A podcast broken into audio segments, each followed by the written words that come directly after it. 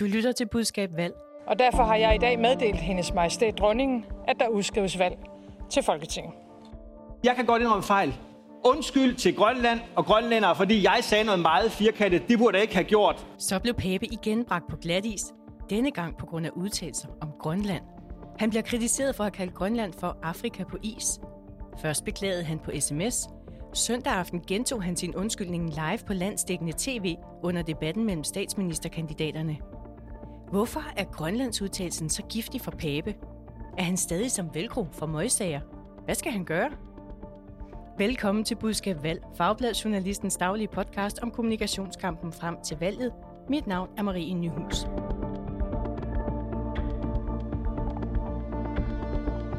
Der er 22 dage til valget, og det er blevet tid til at præsentere dagens panel. Først har vi en debutant med, det er dig, Tine Lund Bredlav. Du er partner i White Cloud og tidligere særlig rådgiver for de radikales Marianne Hjelved. Velkommen. Tak skal du have. Og så er det dig, Steffen Hjaltelin, kampagnemager gennem 15 år for Venstre. Velkommen til. Mange tak. Vi skal høre, hvor I helst eller nødest vil være rådgiver i dag, og I har valgt det samme sted. Steffen, for dig er det et sted, du nødest vil være rådgiver. Hvor er det? Ja, Sofie Carsten Nielsen, som jeg øvrigt også tog sidst. Første gang på grund af de parlamentariske udfordringer i både at udskrive valget og så pege på den samme, og nu fordi hun har dummet sig lidt ned i Lolland. Ja, sidst det var torsdag, hvor du også var med i budskab valg. Hvad er det for en øh, bummer i Lolland, du hentyder til her? Jamen, øh, hun synes jo, at det store problem i Lolland, det er, at øh, de øh, har gasfyr, øh, men det har de ikke. Der går ikke engang en øh, gasledning ned til Lolland, og det kommer hun for skade ikke at have undersøgt inden. Så det er jo bare, en, altså, det er jo bare frygtelig dårlig forberedelse, og ærgerligt at skulle rydde op efter. Tine, du vil så helst være rådgiver for Sofie Carsten Nielsen, har du sagt til mig. Er det en slags hjemvæg for at komme tilbage til, den, til de radikale? Altså, det jo altid sjovt at arbejde med de radikale, fordi de er altid overbevist om, at de har ret. Og i den her sammenhæng, der havde Sofie overhovedet ikke ret. Og øh, som god rådgiver, så skal man jo ikke gå af vejen for en krise. Og jeg synes, der er en stor krise i radikale i øjeblikket. Ja, altså helt ærligt, de ligger til sådan 4-5 procent i meningsmålingerne. Det er tæt på en halvering i forhold til det sidste valgresultat. Er det ikke bare en slags mission impossible, de er ude i her? Det har man jo sagt før øh, med partier, som lå dårligt, men altså jeg tænker, at de bliver nødt til at tænke sig rigtig, rigtig godt om, og så bliver de nødt til at øh, smide noget af formen og fokusere lidt på indhold, fordi når radikale fokuserer på indhold, jamen, og politisk indhold, så plejer de at ligge godt, og så plejer de, lidt vælgerne gerne vil lytte. Steffen, du ja, markerer. Ja, det er bare fordi, der er måske faktisk kommet en ny udfordring til uh, radikale. Radikales vælgere er jo mere røde, end, end radikales folketingsgruppe er, og det har vi talt om mange gange. Ligner enhedslisten, og så ligner de også et andet parti, som har været helt væk i, uh, i lang tid, nemlig Alternativet. Og uh, nu så jeg lige, de dukket op over spærregrænsen i en meningsmåling i dag, som i øvrigt gav rødt flertal fra Voxmeter, tror jeg det var. Og, øhm, og alternativet er dødsensfarligt at have liggende i, øh, for storbeboerne i baggrunden som, øh, som radikal. Og jeg er ikke sikker på, at der er sket noget specielt ved alternativet andet, end folk måske bare har haft travlt med at, at, at leve deres liv, og så havde glemt, at de ligesom var der, og nu står deres, deres velkendte øh, brand øh, rundt omkring i hele byen igen, og så bliver man mindet om det. Så det er næppe, fordi der er kommet noget særlig ny øh, politik fra den, men øh, gud ja, alternativet eksisterer også. Jeg er sur på radikale, jeg kunne tænke mig at stemme på dem. Så det er ikke blevet nemmere.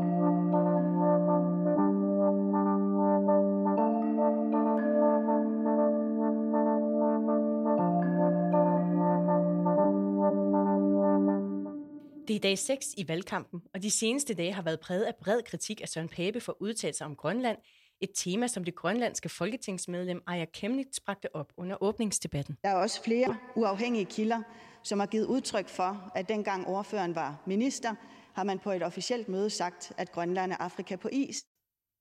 Søren Pape sagde, at hvis han skulle have sagt sådan, ville han gerne se det dokumenteret. Men man skal passe på, for jeg har helt sikkert haft nogle kritiske udsagn øh, om, om Grønland, i forbindelse med, at øh, der er nogle kæmpe udfordringer omkring misbrug af børn, omkring hele sociale område, hvor jeg nok har, har kunne finde på at udtale mig lidt, øh, lidt øh, barsk.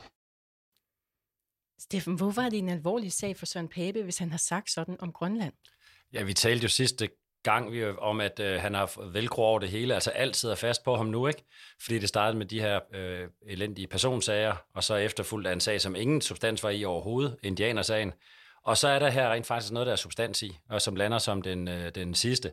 Men øh, det er jo en måde, man, det er sådan noget omklædningsrumsnak, øh, som han måske har sagt i et, i et, øh, i et lukket rum, men det kan man jo ikke gå og sige som, øh, som statsministerkandidat. Man kan jo ikke gå og rende øh, og sammenligne med et udviklingsland eller med, med Afrika på is og, og lave sjov med det på den måde. Så det var faktisk den alvorligste, der kom til sidst. Var den kommet som den første, havde den måske været til at håndtere, men fordi det er den sidste i rækken, så er det voldsomt svært. I hvert fald så udløste udtalelsen stor kritik, blandt andet fra Grønlands landstyreformand, som ifølge Ekstrabladet kaldte udtalelserne respektløse, og fredag sendte Søren Pape ifølge flere medier en sms til Ejer Kemnitz, hvor han undskyldte. Han talte også med flere medier, blandt andet TV2. Jeg ønsker ikke at gøre nogen ked af det, jeg ønsker ikke at fornærme nogen, men det kan ikke nytte noget, at vi bare lader som om alt er godt, så taler vi ikke om ting. Tine, vi ser altså Søren Pape, han sender en sms, hvor han undskylder personligt, og han giver også interviews, hvor han uddyber, hvorfor det er, han angiveligt har sammenlignet Grønland med Afrika. Er det god krisehåndtering?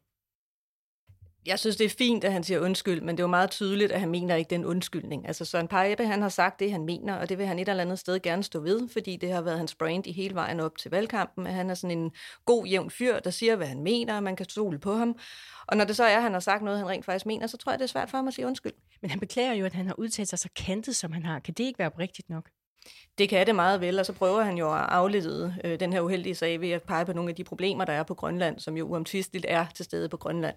Problemet er bare, at den retorik, han har brugt, er så nedladende og så helt utrolig uheldig i forhold til en ligeværdig partner i rigsfællesskabet, at det er meget svært at slippe afsted med, ikke mindst når man vil gerne vil være statsminister. Så du er ikke imponeret over den krisehåndtering, vi ser fra Søren Pape hen over weekenden? Nej, det er jeg ikke. Søndag aften under statsministerkandidatdebatten, der gik Søren Pape så i offensiven med sagen om hans kantede grønlandsudtalelser. Altså, det er ikke så svært. Jeg vil gerne kigge ind i kameraet nu, og så vil jeg sige, at jeg kan godt indrømme fejl. Undskyld til Grønland og grønlændere, fordi jeg sagde noget meget firkantet. Det burde jeg ikke have gjort. Mette Frederiksen, kameraet er der. Værsgo at sige undskyld til de minkavlere, der har mistet hele deres erhverv og hele deres liv.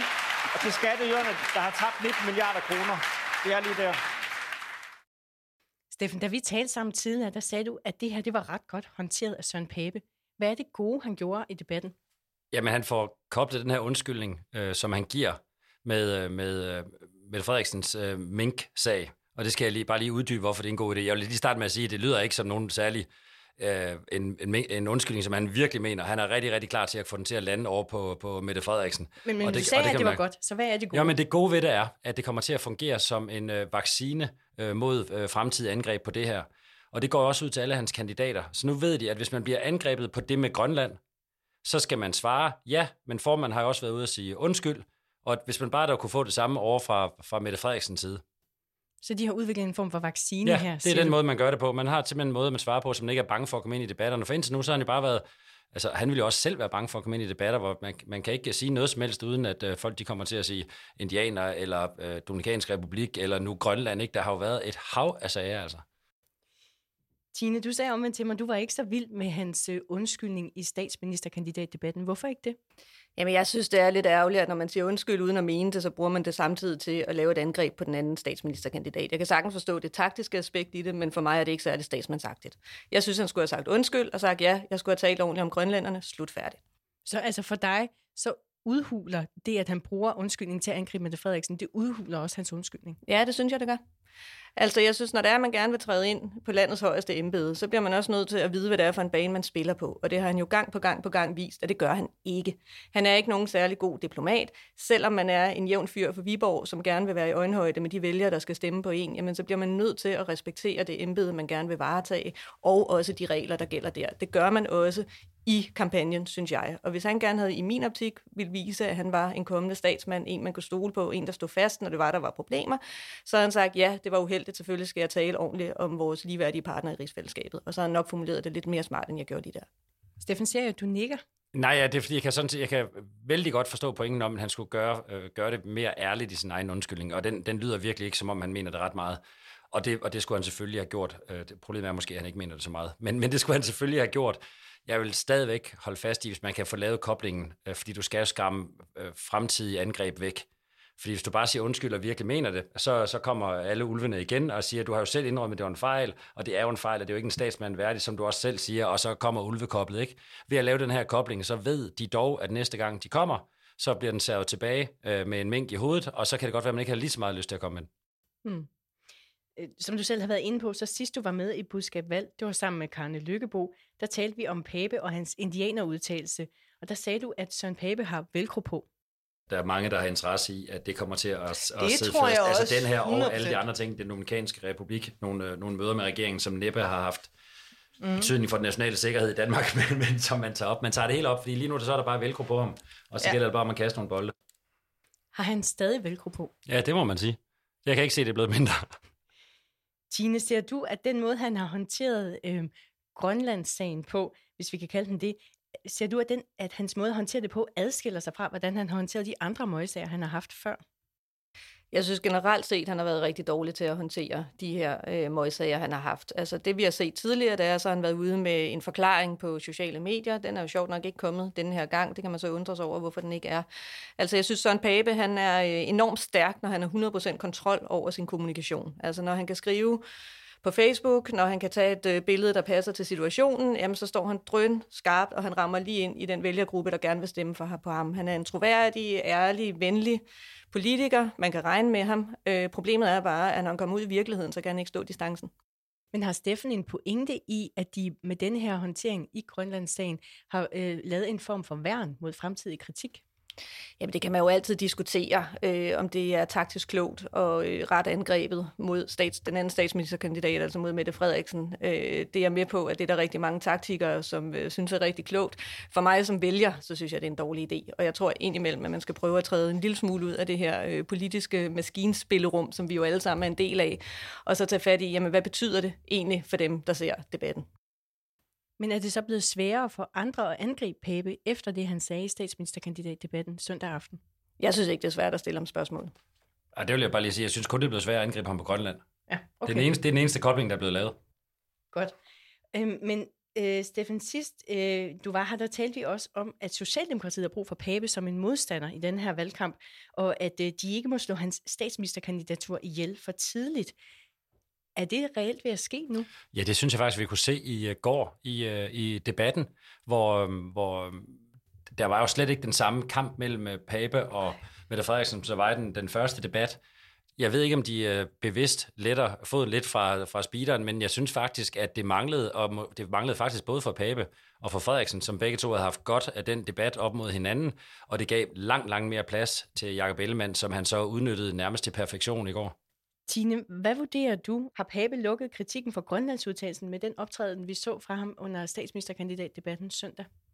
Ja, måske har han lukket for Grønland, men jeg synes ikke, han har øh, lukket kritikken af, hvorvidt han er en egnet statsministerkandidat. Altså, jeg er meget, meget enig med Steffen i, at øh, Jakob Ellemann han fik rigtig, rigtig meget plads på spillepladen i går. Og jeg synes, han øh, gjorde det rigtig fint i, i debatten. Jeg synes, han var den værdige modstander til Mette Frederiksen, og der synes jeg i den grad, at Søren Pape han tabte terræn. Ja, man kan jo næsten sige, da Pape han kom ind på arenaen, så tænkte man, ja, det er der måske øh, ligesom øh, brug for. Efter man har set debatten i går, så tænkte man, er der egentlig brug for det? Men det får vi se, det følger vi i hvert fald øh, også her på Budskab Valg. Vi skal også se lidt øh, fremad og høre, hvem I vurderer, øh, der skal på banen nu. Og her peger I faktisk også på den samme person, nemlig øh, Søren Pape. Øh, Tine, hvad skal Søren Pape så gøre nu? Og jeg synes, Per Søren Pape, han skal gå hjem og lave lektier. Altså, der mangler lidt 12 øh, i Søren Pape. Jeg synes simpelthen ikke, han har været flittig nok til at forberede sig til, øh, til den spillebane, han er på nu. Men, men hvilke lektier skal en statsministerkandidat lave? Jamen, statsministerkandidat, han skal være klar til at øh, tage kritik på en værdig måde. Han skal være klar til at øh, mande eller kvinde sig lidt op, når man står i de debatter, øh, hvor man har en ordentlig modstander, fordi det er jo det, han har. Altså, han er jo ude i de rigtige debatter nu. Det er ikke hyggeligt længere. Det er ikke forsamlingshuspolitik øh, og optrædener. Han er ikke ude, hvor han bliver klappet ind. Han er simpelthen derude, hvor han bliver trykprøvet.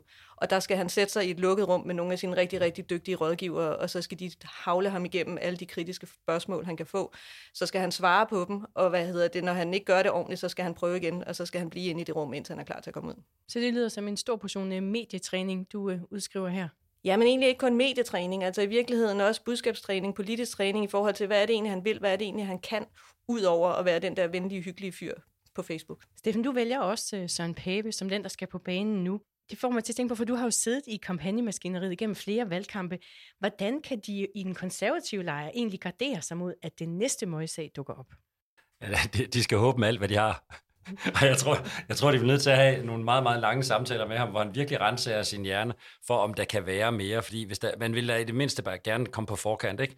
Og sagen er jo, at det er enormt svært for ham øh, som, som du sagde lige inden vi gik i gang med udsendelsen, at det er slet ikke sikkert, at han ved, at han har gjort noget. Altså, fordi det er bare hans, det er bare hans slagfærdige façon. Og hvis man har været slagfærdig politiker i øh, 20 år, så, øh, så er der jo altså noget at komme efter. Men jo mere han kan komme i tanke om, at der kunne, der, der kunne komme på, ganen, øh, på banen, ikke på banen, på, på, på banen, jo mere kan de forberede sig. Og så har jeg tidligere været fortæller for, at han skulle lave et langt personligt interview, men jeg er ikke engang sikker på, at han er interessant nok i øh, slutningen af den her uge til, at der er nogen, der gider at lave Godmorgen øh, Danmark, eller noget gider at lave de her øh, lange interviews med ham. Så jeg tror, at han, nu skal han til at finde på nogle angreb, og det angreb, som han missede i går, det var, at, at, at Mette Frederiksen selv ville sætte skatterne ned nu, og så spørger han så, hvor mange vil du så fyre i det offentlige? Og der tror jeg, han bliver nødt til ud på politik igen, hvor han kan køre med drejebog, og han kan gøre det, han er, han er, han er god til, og hammer løs på regeringen med det. Det tror jeg næsten er ved at være den eneste chance. Men, men lavede han ikke netop angrebet, fordi han spurgte, hvor mange vil du så fyre? Jo, det er med på, men det, den, den, det var lige så, så, så kraftigt, som jeg synes, den første var. Så fættede den anden lidt ud. Den skal han bare komme tilbage til igen og igen og igen og regne ud, hvor mange øh, det betyder, at der skal, at der skal fyres i jobcentrene. Siger du, det er ligegyldigt, det de laver et jobcenter? Altså, bare give hende sin egen øh, medicin øh, fordi hun jo selv har, den har hun selv kastet sig ud i, og i øvrigt så synes jeg ikke, det står helt lysende klart, hvad de skal ud af den socialdemokratiet, øh, den, øh, den skattelægelse, de har lovet øh, valgtaktisk. Tine, du markerer. Nej, men det var egentlig bare, jeg var meget enig med, med Steffen i forhold til det her med, at han kan ikke sidde i de bløde medier nu, fordi der er ikke nogen interessante historier at fortælle om Søren Pape forhåbentlig. Altså, han kan ikke sidde med... Øh, jamen, det er jo sådan et godt rådgivertrik, ikke? Når man er ude i en skandale, ude i en krise, så ind og sidde og græde lidt i en sofa og beklage og sige, jamen det er også bare fordi, jeg i virkeligheden bare er et menneske. Øh, og så skal man have lidt sympati, men det er bare svært at få den sympati nu, fordi det er svært at se, hvad det er, han skal komme med, som vi ikke allerede har hørt. Ja, det var meget nemmere, da det bare var kærligheden, øh, der var gået galt med, ikke? Altså, der kan man ligesom tale ud om det. Jo, men, men det kan vi alle sammen forstå, ja. ikke? Altså, jeg har også haft en borgmester engang, som jeg arbejdede for, som boede et andet sted end der, hvor han sagde, og det var også noget med kærlighed og så videre, ikke? Og da det så lige pludselig viser, at det var alt muligt andet også, så kunne man bare ikke redde den, og sådan er det. Det er der, han står nu. Du lyttede til Budskab Valg, en podcast skabt af Fagbladet Journalisten og tilrettelagt i samarbejde med Rakkerpak Productions, der også står for lyd og teknik. Tak til jer, Tine Lund Bredlav og Steffen Hjaltelin, for at dele jeres analyser i dag. Det var så let. Så tak. Mit navn er Marie Nyhus, og jeg er vært og redaktør på Budskab. Du hørte et klip fra Folketings-TV og TV2. Vi er tilbage i morgen kl. 15 og hver eneste hverdag, til vi er på den anden side af valget. Skriv endelig til os, hvis du har idéer eller input til budskab Og hvis du kan lide, hvad du hører, må du meget gerne abonnere og give os en anmeldelse. Tak fordi du lyttede med.